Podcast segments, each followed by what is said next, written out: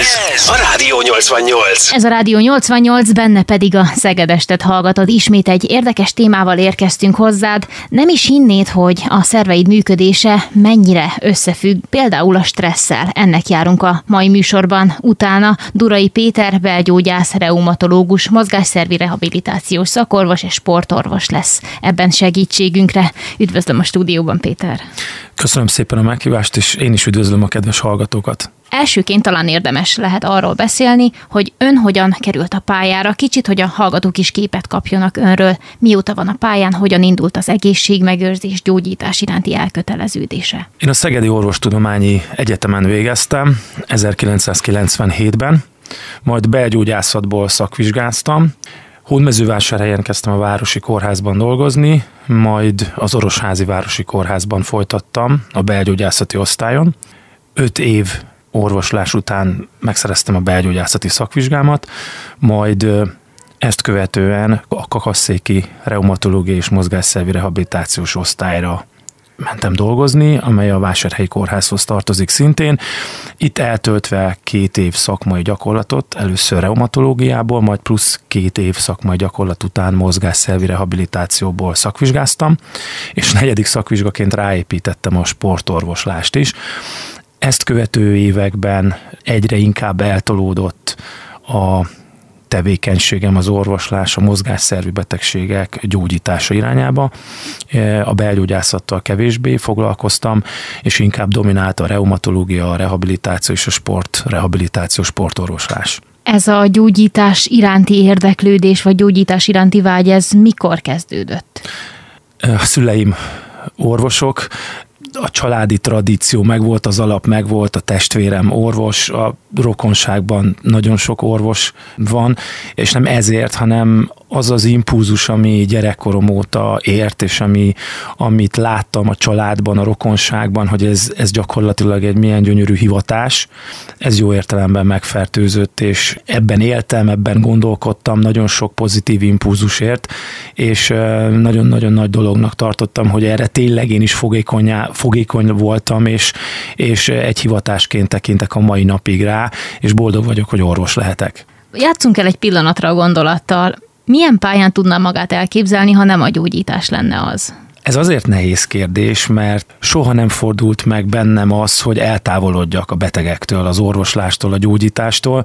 Biztos, hogy vannak, vagy lennének olyan határterületek, amelyek összeköthetők ugye az orvoslással, Igazából talán egyetlen egy olyan területet tudok mondani, ami, ami egy kicsit ehhez kötődik, de mégsem teljesen az, Ugye én foglalkozom egy orvostechnikai eszköznek, a BMR terápiának egyéb vonatkozásaival is, például a, a kutatással, az oktatással, és talán ezek egy olyan határterület, egy olyan határmesdje, ami nem konkrétan a, a betegellátást, a gyógyítást érinti, de nyilván mivel egy orvostechnikai eszközről van szó, ezért ezzel való foglalatosság is szorosan kapcsolódik a gyógyításhoz. Ha jól számolom, és biztos, hogy nem jól számolom, de nagyon sok év volt eljutni odáig, hogy ennyi tapasztalattal rendelkezzen. Mikor indult ez a pálya? Már rögtön érettségi után? Hát ugye a, én az Orosházi Táncsics gimnáziumban végeztem, és ott érettségiztem, majd első alkalommal, nem második alkalommal vettek fel a Szegedi Orvostudományi Egyetemre, és én 1990-től, ugye 90-91-től tanultam az egyetemen, és 1997-ben ugye végeztem, és hát innen indult gyakorlatilag a, az orvosi pályafutásom. Először ugye még a belügyászati szakvizsga megszerzése volt az elsődleges feladat, és utána a reumatológia, mint a mozgásszervek belgyógyászata, amit ugye ráépítettem, és hát utána a következő volt ugye a rehabilitáció és a sportorvoslás. Tehát az egész életemet végig kísérte ez a szemlélet, a gyógyítás, a betegekkel való foglalatoskodás szelleme gyakorlatilag, mert ahogy ugye említettem, ez egy családi tradíció is, de hát kellett ahhoz, hogy affinitásom legyen hozzá. Belgyógyászat, reumatológia, mozgásszervi rehabilitációs szakorvosként, sportorvosként is ráadásul mi indokolta azt, hogy ennyiféle szakterületen szerezzen minél inkább beható tudást? Számomra a belgyógyászat volt az alap abban a szemléletmódban, amit képviseltem, hogy a konzervatív terápia és nem a műtéti terápia fogott meg.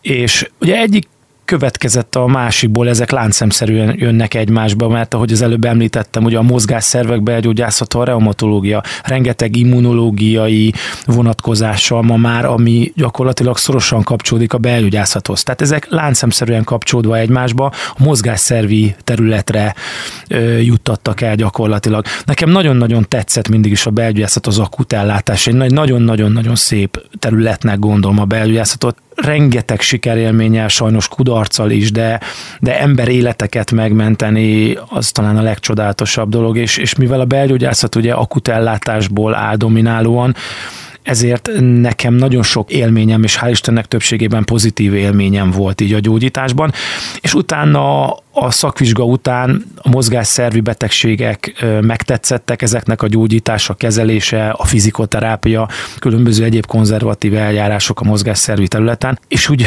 igazából hogy átlovagoltam a mozgásszervi oldalra. Lehet, hogy nagyon sok olyan körülmény van, sőt biztos is, ami ott tarthatott volna engem az akutellátásban a belgyógyászaton belül, de én ebben most nem mennék bele, úgy alakult, hogy a mozgásszervi terület fogott utána meg, és talán azt gondolom, hogy egy kicsit a mai világban ö, nyugodtabb, kiszámíthatóbb orvospályafutást tudott prognosztizálni. Az imént már szó esett arról, nagyon messziről, de pedzegettük, hogy a stressz kapcsolódik az előzőekben hallottakhoz, de először azt érdemes talán tisztázni, hogy mi a stressz. Ugye ezt nagyon sokszor halljuk a hétköznapokban is, jaj, stresszes vagyok, stresszelek, a stressztől nem tudok aludni, a stressztől nem tudok enni, a stressztől rengeteget eszek. Mi a stressz? A stressz tulajdonképpen a szervezetnek a külső ingerekre adott nem specifikus válaszreakciója. Ugye ez egyrésztről egy kicsit bonyolultan hangzik, de tulajdonképpen egész világos és érthető, hogy mi történik, mi történik, amikor valaki stresszel, hirtelen összerezdül, összerándul, egy akut folyamat jön létre, megijed, idegessé válik, de hogyha ez tartósan fennáll, akkor nagyon sok egyéb élettani, vagy kórélettani, vagy kóros reakciókat is ez ki tud váltani összszervezeti szinten. De hogyha csak a pszichés oldalát nézzük, akkor valaki akár válhat szorongóvá, depressziósá, vagy akár agresszívvá, frusztráltá, és ez kihat az egész életére. Alvászavarokhoz vezethet, étvágytalanná válhat, fogyhat, az immunrendszere gyengülhet, hogyha ez hosszú távon fennáll, és ez egy ördögi körré alakul egy idő után. Tehát egy nagyon-nagyon rossz folyamat, és ebbe sajnos bele lehet ragadni, hogyha valaki stresszesen él. Mitől függ, hogy kire milyen hatással van az ő szervezetében kiváltott stressz? Hát ez egyrésztről eh, egyéni beállítottság, egyéni érzékenység, eh, az idegrendszer adott állapota, ki mennyire tud stressz toleranciában élni, vagy akár mennyire ez egy tanult magatartás is lehet, hogy valaki ki van téve a stressznek, és ezt akár tudja kezelni. Ugye ez egy fontos dolog, mert ugye a mai világban azt mondják sokan, hogy hát ez egy nagyon szégyen teljes dolog, hogyha valaki a, a stresszes élete miatt akár eljár pszichológushoz, és én ezzel nem értek egyet. Ugye Amerikában ez egy nagyon gyakori dolog, hogy akár menedzsereknek, vállalkozóknak felelős pozícióban lévő embereknek minden napjaikban is szükséges le, lehet akár pszichológust alkalmazni és pszichológushoz járni. Én azt gondolom, hogy ez Magyarországon elég gyerekcipőben jár. Nem beszélve arról, hogy a stressznek nagyon súlyos következménye is lehetnek, betegségeket is okozhatnak. Ha csak arra gondolunk, hogy egy akár akutan vagy krónikusan hosszabb távon fennálló stressz okozhat magas vérnyomást, különböző szívritmuszavarokat, először még csak tahikardabb, szaporább szívmű működést, különböző élettani folyamatok változhatnak meg a hormonális státuszban, bizonyos mellékvese, kérek hormonok szabadulhatnak fel, például az adrenalin, a noradrenalin, vagy akár az agyalapi mirigyre is kifejtett hatása révén a hormonális státusz befolyásolhatja. Tehát beindíthat egy olyan hosszú távú folyamatot, amelyből elég nehéz kilépni. Tehát nagyon fontos, hogy a stressznek az egészségkárosító hatása is megvan. Például a szimpatikus vegetatív idegrendszer aktiválódhat. Ez mit jelent? Például a mikroerekre való hatása révén létrejön egy érszűkület, egy ér összerándulás, összehúzódás, aminek következtében lelassul a vérkeringés, és úgynevezett mikrokeringési zavarok jöhetnek létre a szervezetben, amelynek következtében létrejöhet oxigén hiány a sejtekben, amely egy idő után ugye sejtanyagcsere, majd szövetek, szervek károsodását is tudja okozni. Tehát egy nagyon logikus folyamat kapcsán építhető fel, hogy milyen élettani hatásai vannak, és milyen káros hatásai vannak a stressznek. Egyre jobban az orvos tudom tudomány fókuszában áll a mikrokeringési zavaroknak a problémája. Ugye eddig arról beszéltünk, hogy a, a stressz által kiváltott betegségek azok mik lehetnek és miket okoznak, de én azt gondolom, hogy nagyon fontos megnézni a gyökerét a problémának, hogy honnan ered, mi a, mi a kiváltóka, és nagyon-nagyon gyakran a mikrokeringési zavarok állnak ennek a hátterében. Ma már a kutatások fókuszában áll, és egy nagyon érdekes dolog vagy adat, hogy mennyire fontos, és a legnagyobb szervünk a mikrocirkulációnk, a mikrokeringésünk, amely nagyban károsodhat ugye a stresszes állapotban, és ki nem stresszes manapság. Ha az ember mikrokeringési rendszerét, a mikroereket egy egyenesbe kihúznánk, ennek a hossza 100-120 ezer kilométer egy emberben, ami majdnem háromszor érné körbe az egyenlítőnél a Földet. A felülete az pedig egy futballpálya nagyságú felület, ahol a gázcsere, az anyagcsere történik. Tehát ha azt tudatosítjuk magunkban, hogy a stressz mikrokeringési zavarokat, ér összehúzódott állapotot okozhat a vegetatív szimpatikus tónus miatt, akkor láthatjuk azt, hogy ezek a mikrokeringési zavarok stresszes állapotban állandósulhatnak. És egy bizonyos úgynevezett ablakperiódussal, legyen ez 3, 5, 10 vagy akár több mint 10 év is, okozhatnak szívérrendszeri betegséget, szívbetegséget, sztrókot, daganatos elváltozásokat. És a tumoros, daganatos elváltozások, vagy a pici ereket érintő szívérrendszeri betegségek, azok mindig krónikus oxigénhiányra, az esetek nagy részében, bocsánat, mikrokeringési zavarokra vezethetők vissza. A mikrokeringési zavar hátterében pedig általában a stressz áll. És hát itt a kérdésre a válasz, hogy a stressz tolerancia az nem minden embernél egyforma. Tudomásom szerint megkülönböztetjük a pozitív meg a negatív stresszt. Ez igaz? Inkább úgy fogalmaznék, hogy a szervezet válaszreakcióiban vannak olyan pozitív reakciók a stressz következtében, ami például az úgynevezett túlélési mechanizmusra utal. Amikor ahogy beszéltünk arról, hogy a hormonális státusz változik, vagy akár a mellékvese kidobja az adrenalint, noradrenalint, amikor a szervezet felkészül arra, és az idegrendszer aktiválódik, hogy egy vészhelyzetet akár elhárítson. Ez egy akut mechanizmus tud lenni. De dominálóan, ha hosszabb távon áll fenn a stressz, akkor annak a szervekre kifejtett, és a mikrokeringés következtében, mikrokeringés zavara következtében kifejtett negatív hatása miatt általában káros. De természetesen, ahogy az előbb mondtam, egy akut stressz helyzetben az ember nagyon sok mindent túlél. Milyen látható jelei lehetnek annak, hogyha valaki stresszel a külső szemlélő számára?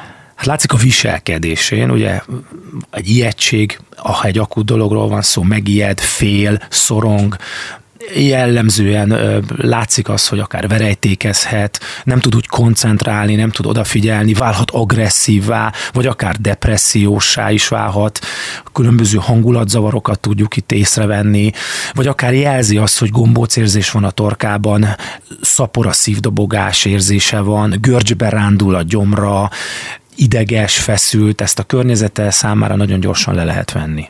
A szociális kapcsolatok ugye véletlenül sem elhanyagolhatóak ilyen szempontból, és hogyha még inkább szűkítjük a kört, akkor marad a munkakörnyezet és a család, illetve a privát szféra hogyan vehető észre az, hogyha valaki talán már egy kicsit idézőjelben mondom, csak túltolja ezt a stresszfaktort a saját életében? Igen, erről az oldalról, ami nem is a saját szakterületemet illeti, mert se nem pszichológus, sem pszichiáter nem vagyok, de ugyanakkor nyilván a mindennapokban én is ezeket érzékelem, akár a saját területemből kiindulva, ha munka mindennapjait tekintem, akkor a hétköznapokban.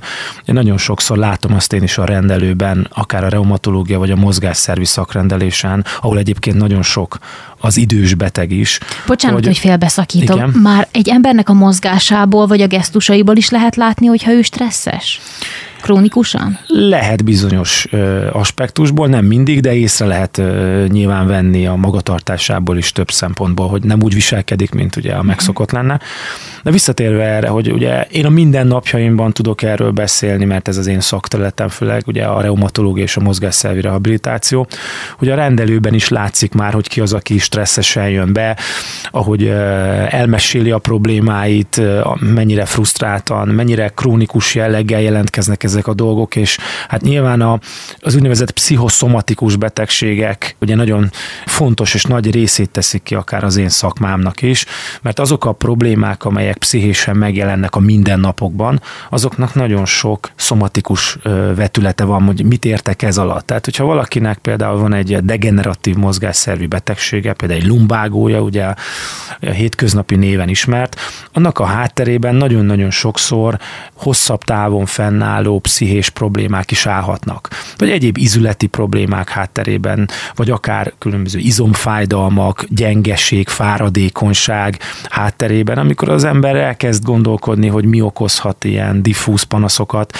Tehát nagyon szertágazó tünetekkel is jöhetnek, de mindig kiderül azért, hogyha az ember egy jó anamnézist vesz fel, hogy ennek a hátterében akár egy családi vagy egyéb pszichés terheltség áll.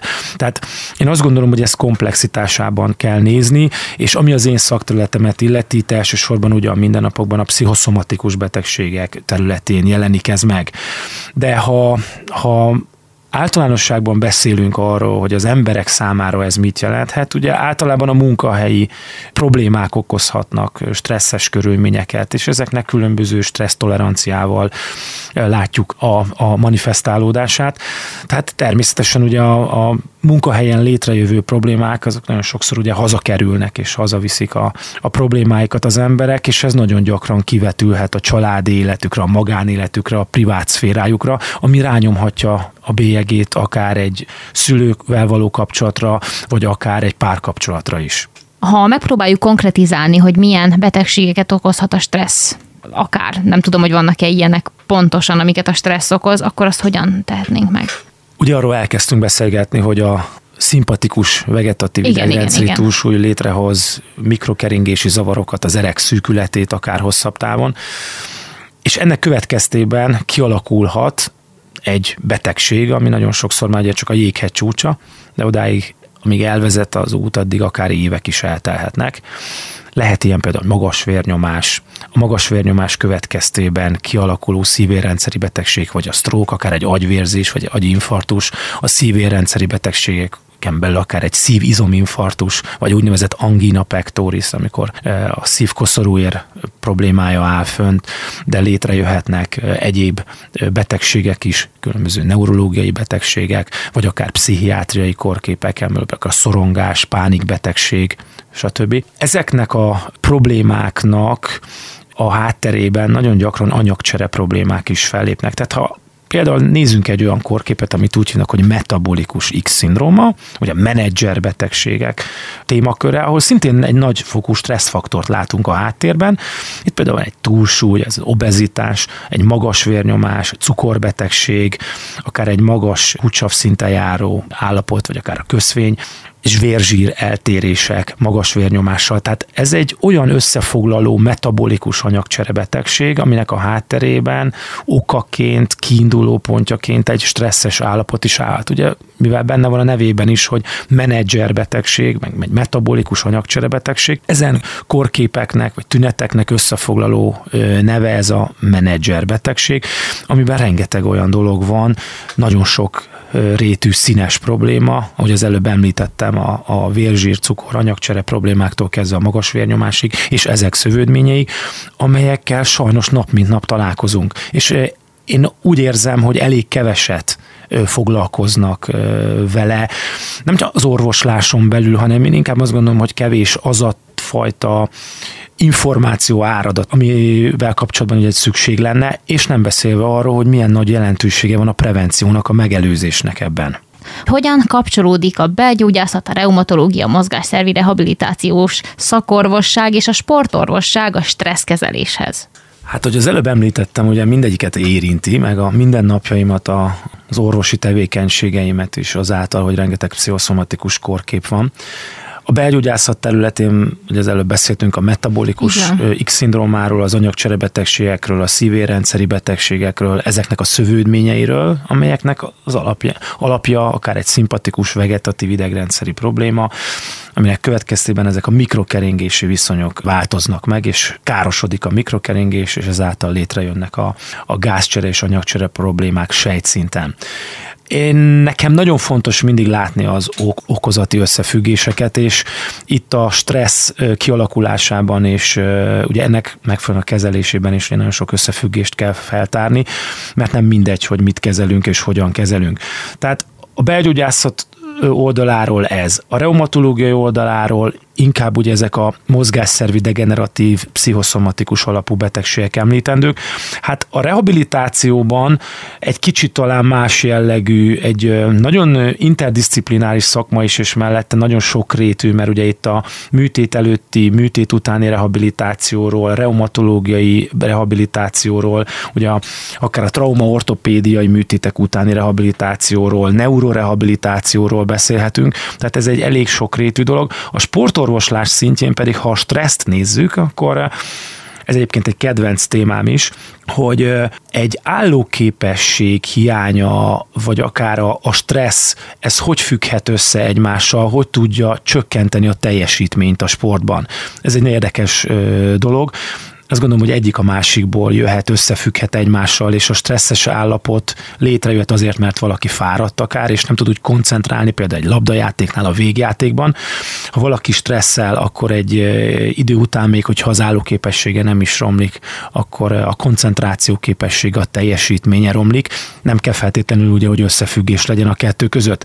Tehát a stressz és a stressz tolerancia nagyon fontos a sportban, ahogy említettem az előbb a végjátékban, hogy jó döntést hozzunk, helyes döntést hozzunk. Ha valakinek például nem jó az állóképesség, vagy fárad egy végjátékban, akár ugye az előbb, ahogy mondtam, a labdajátékokban, akkor rossz döntést fog hozni.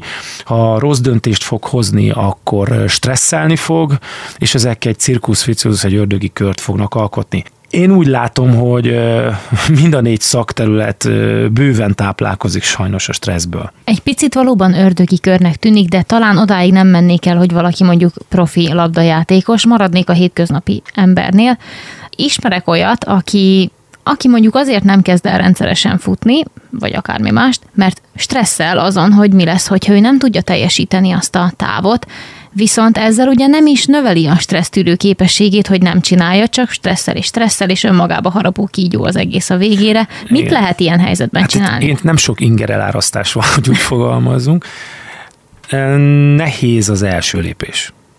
Tehát ha valaki mindig így fog gondolkodni, hogy azért nem lépek ki az utcára, mert a fejemre esik egy tégla, akkor nyilvánvalóan ez az elszigetelődésnek nagyon nagy melegágya lesz. Tehát ez ugyanúgy igaz akár a sportra is, hogy valóban, de ez egy, azt gondolom, hogy ez összetett probléma, tehát ő a teljesítményét szégyelli, nem akar mutatkozni, ezek mind-mind-mind ezért sokrétű kérdést vetnek fel, de, de nagyon fontos dolog az, hogyha az első lépést valaki meg tudja tenni, és fel tudja vállalni azt, hogy mit tud, vagy mit nem tud, vagy miben van hiányossága, hogy azt maga előtt és mások előtt is ezt felvállalja, és ahogy mondtad, nem csak az élsport, a profi sport, az amatőr sport területén is ennek nagyon nagy jelentősége van, és hát ennek következtében ugye a mozgás szegény életmód, az megint nagyon sok káros hatással fog a szervezetére ugye jelentkezni.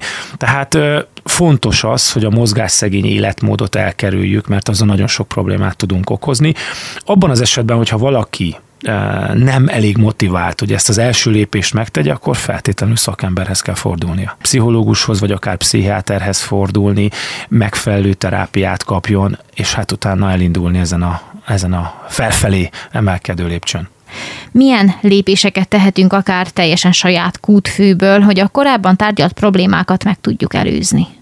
Nagyon fontos dolognak tartom, hogy az életmódunk megfelelő legyen. Ebbe beletartozik nagyon sok minden, ez egy sokrétű dolog. A megfelelő táplálkozás, a, az alvás fontossága, ezáltal javul a stressztoleranciánk, a mozgás az életünkben, tehát elkerülni a mozgás szegény életmódot. Fontos, hogy komplexitásában nézzük ezt a dolgot. Tehát nem egy dolgot kell kiemelni, hogy én most fogyni fogok, ha el vagyok hízva, és különböző diétás tanácsokkal el vagyok látva. De még hanem, az is okozhat stresszt, ha jól gondolom, hogyha hogy valaki elkezd diétázni, és így be kell tartani ez valamit, egy, amit ő nem ez szeretne. Ez egyértelmű, ez persze, Igen. persze, hát azáltal válik stresszessé, hogy nem kapja meg a megfelelő szénhidrátot. Szóval a komplex felülről vizsgált teória szerintem a jó, hogy, hogy az ember azt lássa, hogy több láncszemből kapcsolódik össze ennek a megoldása. Tehát a, a megfelelő kipihentség, a megfelelő táplálkozás, a, a sport, a mozgás egy nagyon-nagyon fontos dolog. Tehát ha azt nézzük, hogy egy embernek, ha nem is sportol, de azért egy 5 kilométert kellene mozognia, akár gyalog sétálnia, kerékpározni, tehát a mozgás mindennapi élet tevékenységbe, az életmódunkba bele kell, hogy tartozzon. Tehát a mozgásszegényet alapja ugye nagyon sok betegségnek, és a stressznek is ezáltal. A táplálkozás nagyon fontos, és ugye ennek, ennek a kettőnek az együtt megléte. A, a pihenés, ami nagyon fontos. Tehát tudjuk azt, hogy a gyerekeknek az éjfél előtti alvás az mennyire fontos. Van a non-REM alvásnak egy fázis, az a mély alvási fázis, mert ugye úgy alakul egy ciklus itt, amiben egyébként 5-6 vagy 7 ciklus töltünk el éjszaka, hogy a szendergés feletes közép mély, mély alvásba kerülés során, ugye ezek a fázisok hogy időtartama változik, és éjfél előtt 20%-ot, évfél után olyan 15%-ot tartózkodunk fiziológiásan ebben a mély alvásban. Ezért is mondják, hogy a fejlődő szervezet számára mennyire fontos az éjfél előtti alvás gyerekeknek ugye főleg, hogy feküdjenek le, amennyire lehet, de hát a mai világban ezt nagyon nehéz megoldani, főleg már azért középiskolától, meg hát az egyetemen is, sajnos én is benne voltam, hogy éjfélt nagyon ritkán tudtunk lefeküdni a tanulás miatt, de nagyon fontos lenne ez tény, mert a mély alvási periódus hossza, az, az ugye évfél előtt azért hosszabb, mint évfél után, még ha pár százalékkal is. Tehát a felnőttekre a, ugyanez jellemző? E, Ugyanez jellemző, ez mindenkinek, csak a Már fejlődő az szervezet számára. Igen, ez a hossz, ez egy objektív, ez egy adott dolog, csak uh-huh. ugye a fejlődő szervezet számára még inkább fontos, hogy a lehető leghosszabb időt töltsön el a mélyalvási fázisban és ez a mélyalvási fázis hossza, ez befolyásolja az immunrendszerünket, a stressztoleranciánkat. Ugye éjszaka a vérkeringésünk eloszlása, az megváltozik a nappalhoz képest. Nappal, mivel mozzunk, főleg a haráncsíkolt izomzatban van a mikrokeringésünk és a keringésünk többsége, főleg a mikrokeringésre gondolva, éjszaka pedig, amikor nem mozgunk, akkor nem az izomzatban történik a vér megoszlásának a dominanciája a aráncsikot izomzathoz képest, hanem a vese, a máj, belső szerveink dominálnak. Ilyenkor ugye a kiválasztás, a széklet, a vizelet kiválasztás preferálódik éjszaka, és hát az immunrendszer. Nagyon fontos, hogy az alvás ezért nyugodt legyen, sok mély alvás legyen benne, és hát ezért az évföltő alvást preferálnám. A Bémer terápia egyébként szintén hat az alvás, mély alvásnak a hosszára, és ezt a ciklust pozitívan befolyásolja non-REM alvásban, ugyanis a 15-20 százalékos mély alvási fázist függetlenül attól, a non függetlenül attól, hogy ez éjfél előtt vagy éjfél után történik, megnyújtja 40 százalékra, tehát minimum duplájára, ami nem azt jelenti, hogy fel annyi időt aludjunk, és az sem jelenti, hogy ugyanannyi idejű alvás dupla olyan kipihentséget jelent, ha nem is duplája a szorzó, de nagyon-nagyon sokat számít abban, hogy a mély alvásban eltöltött időszak hosszabb. Ezzel is azt gondolom, hogy keveset foglalkoznak, akár az orvostudományon belül, vagy, vagy akár a, a, az alvás problémák orvoslásában, tehát nem gyógyszereket, nyugtatókat, altatókat kellene felírni, hanem olyan természetes módszereket alkalmazni, ami például itt van a BMR terápia is. De hát természetesen, ha az életmód rendben van, a táplálkozás rendben van, nem mozgás szegény az életmód, és, és sportolunk, akkor ez kihat az alvásra is. De akár ellenkező előjellel, ha valaki sok alkoholt fogyaszt például, egy idő után lehet, hogy hogy gyorsan bealszik, de hogyha krónikusan sokat fogyaszt, akkor alvászavarokhoz vezethet. Tehát maga az alkoholizmus is egy ilyen probléma, hogy hosszú távon megjelennek az alvászavarok. Nagyon úgy tűnik, hogy az alvásra nagyon-nagyon kevés hangsúlyt fektetünk általánosságban. Véle. Ez így igaz, ez így igaz sajnos. Gondolom ez is okozhatja aztán a stresszességet. Igen, és az ebből adódó krónikus betegségeket, ahogy említettük már az elején a beszélgetésnek. És az önmagában. Ez egy ördögi köré válik, van. mert ugye, hogyha fáradt, akkor kevésbé tud pihenni, és valaki azt hiszi, hogy ha valaki nagyon fáradt, akkor gyorsan elalszik, meg többet fog aludni. Hogyha ez hosszú távon fennáll, akkor egy fáradt ember nehezen fog elaludni, és keveset fog aludni. És ez ugye az ördögi körben benne van, hogy provokálja a stresszt, a stressz toleranciája csökken, és jönnek elő egy idő után a krónikus betegségek. Tehát az alvás egy nagyon fontos origója lehet a krónikus betegségek kialakulásának, és igenis még több hangsúlyt kell fektetni rá méltatlanul keveset teszünk ugyanis az ügyben. Amikor készültem az interjúra, akkor picit utána néztem a mi témánknak.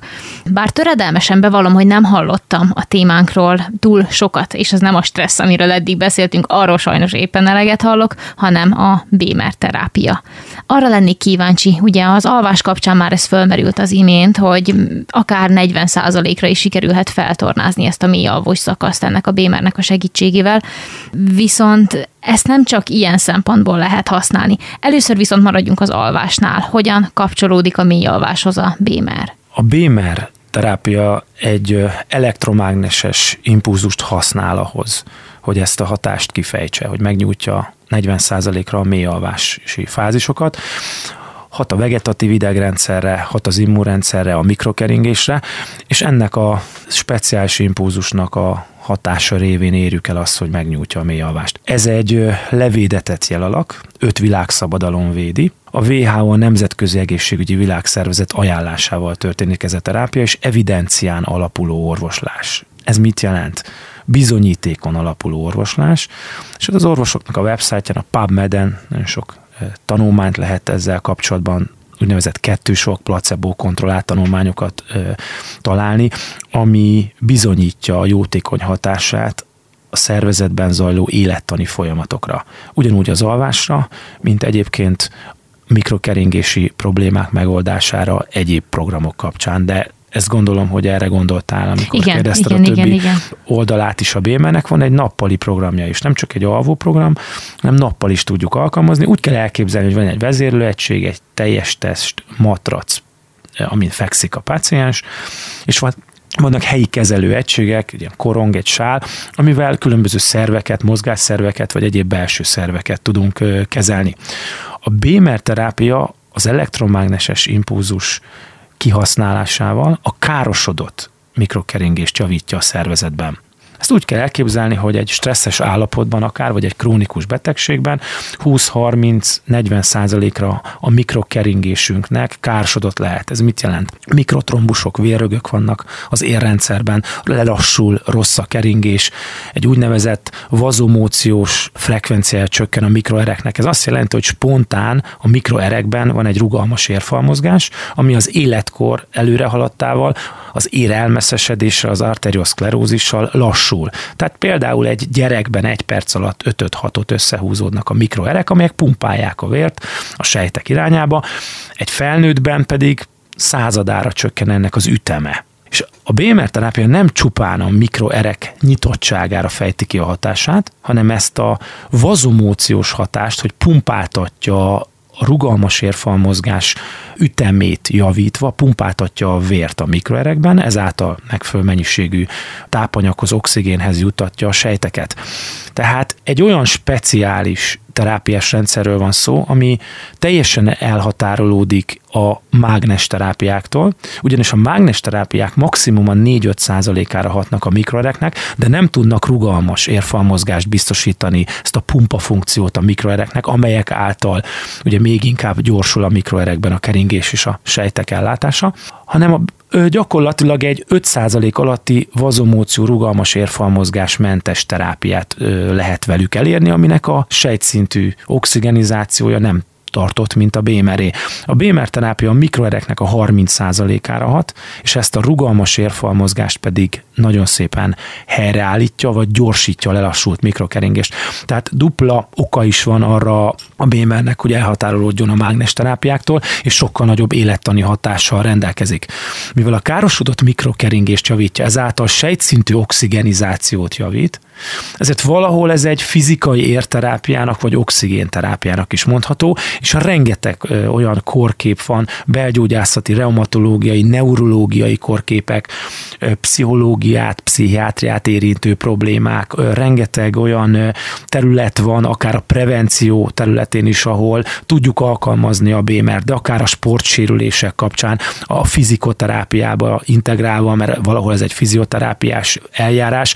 Tehát nagyon sok sokrétű az alkalmazhatósága, pontosan azért, mert a károsodott mikro erekre hat, és nagyon sok olyan betegség van, ahol a mikrokeringés az károsodik. Tehát egy oxigénterápia, egy fizikai érterápia, ami mellékhatásmentes, biztonságos, és a WHO ajánlásával történik. Ez hozzá lehet ma már Magyarországon is jutni. Lehet, hogy butaságot kérdezek, és kérem nézze el nekem, de valahogy fölmerült bennem az, hogy a Bémer terápia segítségével akár az öregedést is lassíthatjuk? Ezt így nem mondanám ki, sejtszinten hat, és mivel oxigenizál, ezért a sejtek több oxigénhez jutnak. Valamilyen szinten igen, de ennek nem egy markáns megnyilvánulása van.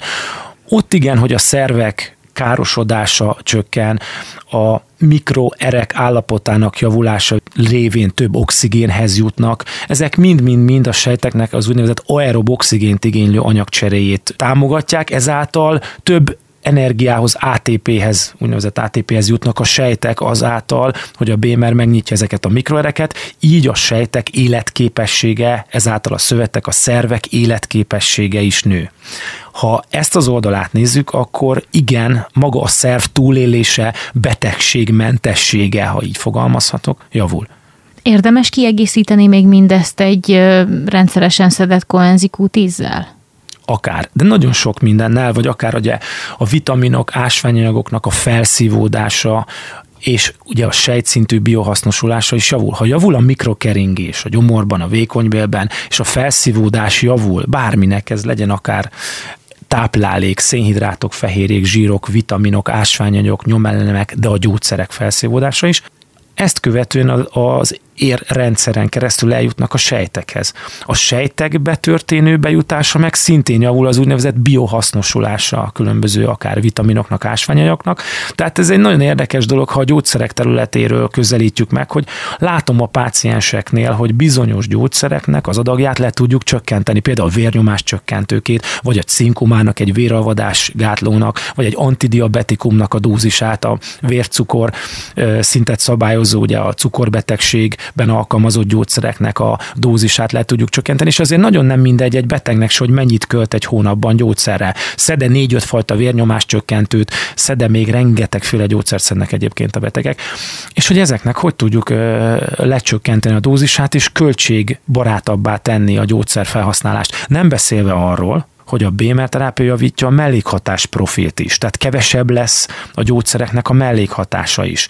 Lecsökkentjük a gyógyszer mennyiséget, tehát nem csak a költség oldalról, hanem a mellékhatás profil oldaláról is nagyon-nagyon pozitív dolog. Tehát ez egy nagyon komplex kérdés, és mivel a BMR terápia egy mellékhatásmentes, biztonságos módszer, és a világon a leghatékonyabban kutatott alternatív terápia, gyakorlatilag mindig lehet alkalmazni ellenjavallatai közé tartozik a lázas állapot, bizonyos stádiumú tumoros betegségek, vagy akár az aktív fémimplantátumok, egy pacemaker, a kardiológián alkalmazott, úgynevezett ICD például, vagy az inzulinpumpa, ahol az elektromágnesességnek fontos jelentősége van, hogy a, ezeknek az aktív implantátumoknak ne legyen funkciózavara.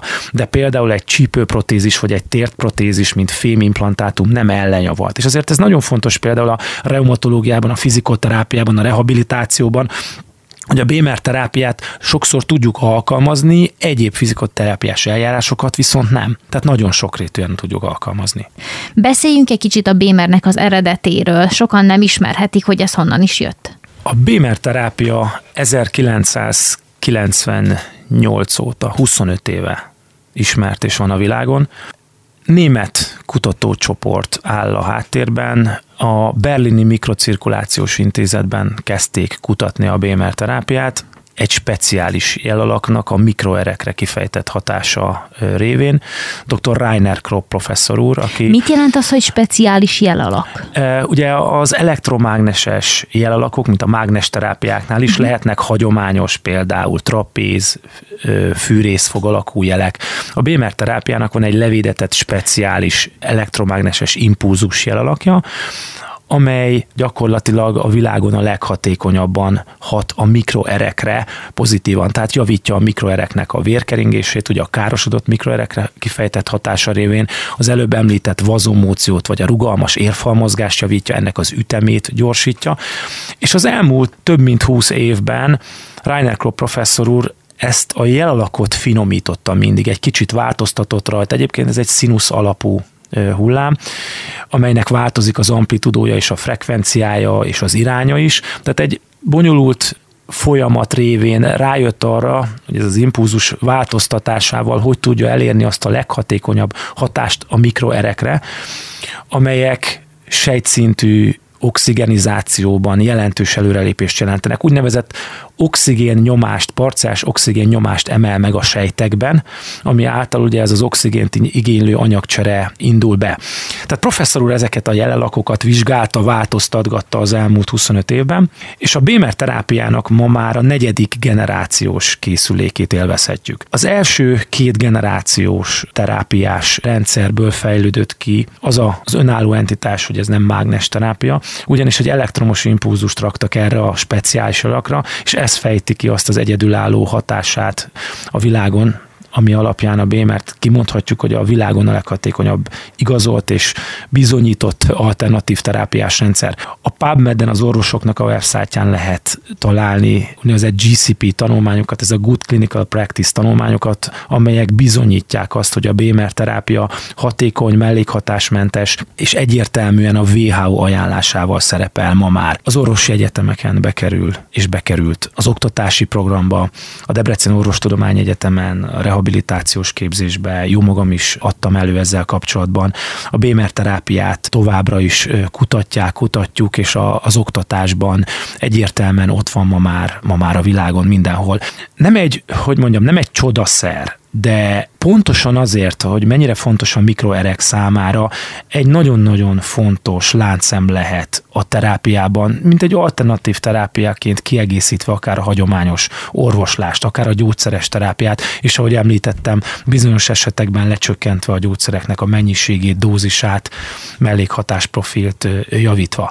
Mivel biztonságos és mellékhatásmentes, ezért bátran lehet alkalmazni gyakorlatilag nullától száz éves korig, például Csehországban, Brunóba, koraszülött osztályon az inkubátorba berakják a koraszülötteknek, hogy fejlődjön ez az úgynevezett szörfaktant anyag a tüdőbe, hogy ne legyenek légzési problémáik. Tehát rengeteg olyan oldala van a BMR-nek, hogy tudjuk alkalmazni már egészen korai életkortól számítva. De ahogy említettem, a belgyógyászati, reumatológiai, neurológiai, pszichiátriai korképekben nagyon sokrétű az alkalmazása.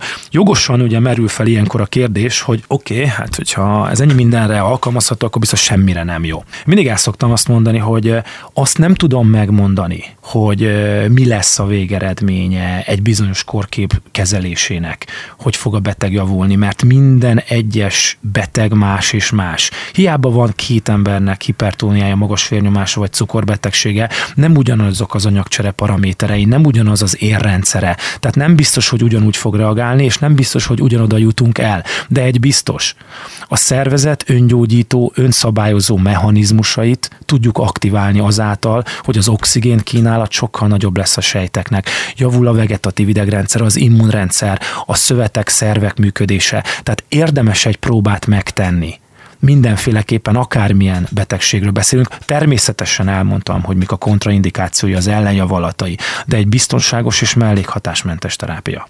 Hogyan kell elképzelni magát a terápiát már folyamatában? Különböző korképekben különböző a terápiás idő, ha erről beszélünk. Például egy degeneratív mozgásszervi reumatológiai betegségben 5-6 hét, tehát durván bő egy hónap szükséges ahhoz, hogy kifejtse a hatását. A mikroerekre egy 8 perces bázis alapprogram, amit egy matracon adunk meg a pácienseknek, az 12-16 óráig kinyitja a mikroereket, de ezek visszazáródnak. Utána a következő nap, ha megint kap egy terápiát, akkor újra kinyílnak eltelik körülbelül ez az 5-6 hét, ha most nézzük a reumatológiai korképek, a degeneratív betegségek oldalát, akkor hiába záródnak vissza, ha már abba hagyja a páciens a terápiát, a sejtszintű oxigenizáció, az aerob anyagcsere hatása még hónapokig fennmaradhat. Tehát abból lehet egy bizonyos idő után hagyni. Természetesen más korképekben, ami nem a reumatológiát érinti, például a szklerózis multiplexben való alkalmazhatóságát, ott sajnos, mivel ez egy gyógyíthatatlan idegrendszeri, autoimmun idegrendszeri betegség, nem lehet abba hagyni a BMR terápiát, ahhoz, hogy a betegeknek a tüneteik, a panaszaik csökkenjenek, egy életen át kell a BMR terápiát használni. Természetesen ugye erre többféle módszer van, lehet rendelőkben felvenni, lehet bérelni ilyen készülékeket, de a lényeg az, hogy különböző korképek különböző aspektust érdemelnek. Valamikor a Bémer terápiával is összefutott. Mikor és hogyan történt mindez? Hát ez 20 évvel ezelőtt történt, amikor kakasszéken dolgoztam, és édesapám mondta, hogy felkeltette az érdeklődését a fizikoterápiában alkalmazott Bémer terápia, ami akkor négy-öt éve volt a világon, és nagyon hálás vagyok az édesapámnak, hogy azt mondta, hogy ebbe egy kicsit jobban mélyedjek el, és nézzek utána, mert, mert itt a mikrokeringés fokozó hatása révén nem csak a mozgásszerű betegségekben várható, hogy hosszú távon ez eredményes lesz ez a terápia. Én akkor megfogadtam a tanácsát, és nagyon hálás is vagyok ezért, hogy hosszú távon is foglalkozom azóta a BMR-rel neki, mert utána én képeztem tovább magam, eljártam a BMR kapcsán különböző továbbképzésekre, Magyarországon, külföldön is, akkor a szklerózis multiplexben esett tanulmány, kazuisztikát csináltam, majd ezt követően egy több mint 20 fős beteganyagon egy tanulmányt a szklerózis multiplexben, amely azt vizsgálta, hogy ezeknek az autoimmunidegrendszeri betegeknek hogy javul az egyensúlyuk, mozgás koordinációjuk, alsó végtagi izomerejük BMR terápiára, és ezt egy speciális izomerő dinamométerrel mértük is. Tehát objektivizálni tudtuk ezeket az eredményeket. Így indult ez a dolog. Nagyon-nagyon sok évvel ezelőtt, ugye 20 éve, és ezt követően jöttek ki egyre újabb és újabb tanulmányok a világban, amelyek már nem csak a mozgásszervi oldalról, hanem egyéb korképekben is bizonyították a BMR-nek a jótékony hatását, és ez engem egyre inkább meggyőzött arról, hogy ezzel, ezzel szeretnék foglalkozni, és azóta is azt látom, hogy egyre inkább fejlődik a BMR terápia, maga ugye a negyedik generációs eszközt ismerjük már, és egyre inkább rájövünk arra, hogy mennyire fontos a mikrokeringési zavaroknak a jelentősége, és ez ugye fókuszban áll a kutatásban. Tehát én azt gondolom, hogy egy olyan időszakban vagyunk most, ahol a BMR terápia fókuszában álló mikrokeringési zavarok a kutatás célkeresztjében is vannak. És én ezért nagyon nagy jövőt jósolok a későbbiekben is neki. Nem beszélve arról, hogy az alternatív terápia egyre inkább ismert, és egyre inkább több területen is, és egyre inkább nyitottak az emberek, nyitottak a betegek, hogy a hagyományos orvoslás mellett ezt alkalmazzák. Ugye ma már vannak Magyarországon ilyen terápiás kezelőhelyek járóbetegellátás szintjén, akár a fizikoterápiában, vagy vannak BMR terápiás centrumok, ahol nem csak a mozgásszervi betegeket kezeljük a BMR terápiával, de olyan lehetőség is megvan a betegek számára, hogy akár otthonukban kipróbálhatják, tudják ezt, a, ezt az eszközt bérelni, elfér egy táskában, ugye a vezérelő egysége, a matrac és a helyi kezelőkkel együtt. Mi lehet az oka annak, hogy bár már 25 éve létező technológiáról, létező gyógyászati segédeszközről beszélünk, mégsem annyira közismert egyenlőre? Egyre közismertebbé válik. Sokrétű dolog ez. Hú, Erről órákat tudnék mesélni.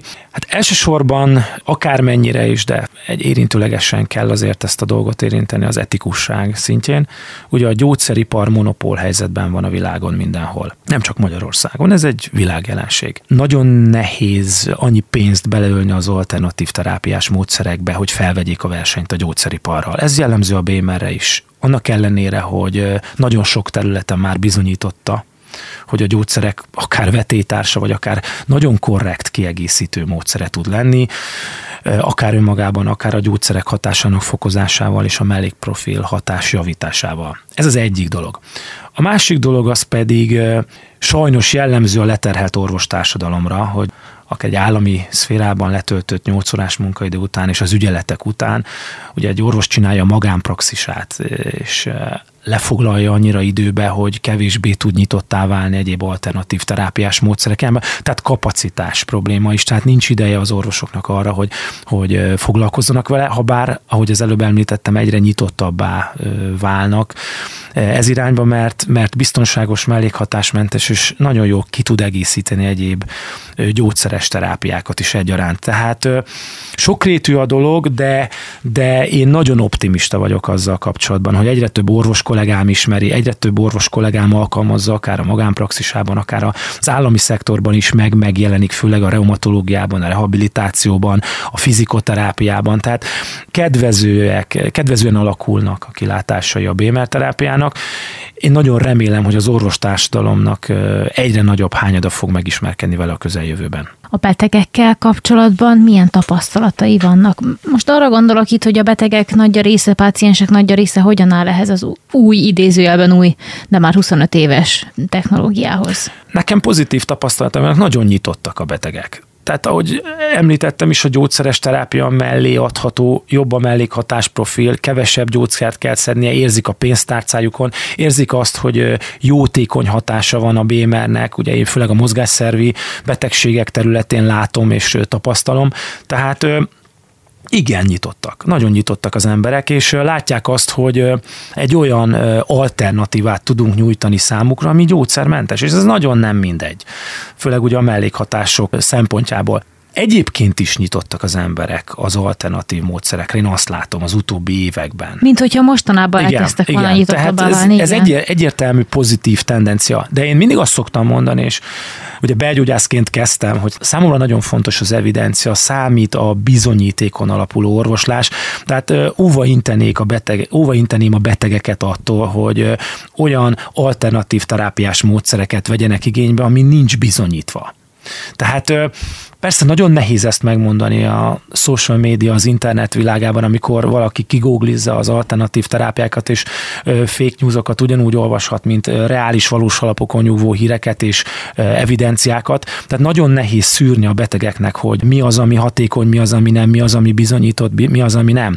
Én csak az orvos oldaláról tudom hirdetni azt, amit, ami nekem meggyőződésem. Én azt szoktam mindig mondani, hogy a bizonyítékon alapuló orvoslás, a mögötte levő stadik tanulmányok, trialek és a mellette levő tapasztalás összegyúrva. Egyik a másik nélkül számomra nem hiteles és nem valid. Hiába van egy tudományos háttér, ha valakinek nincs jó tapasztalata vele, ne hirdesse, nem mondja azt, hogy ez az övé, ne tegye magáévá azt az eszmerendszert. Én ennek a híve vagyok, és én annak örülök, hogy a tapasztalás és a tudományos háttér találkozott. Még egy utolsó mondatra, gondolatra maradt időnk a műsorban.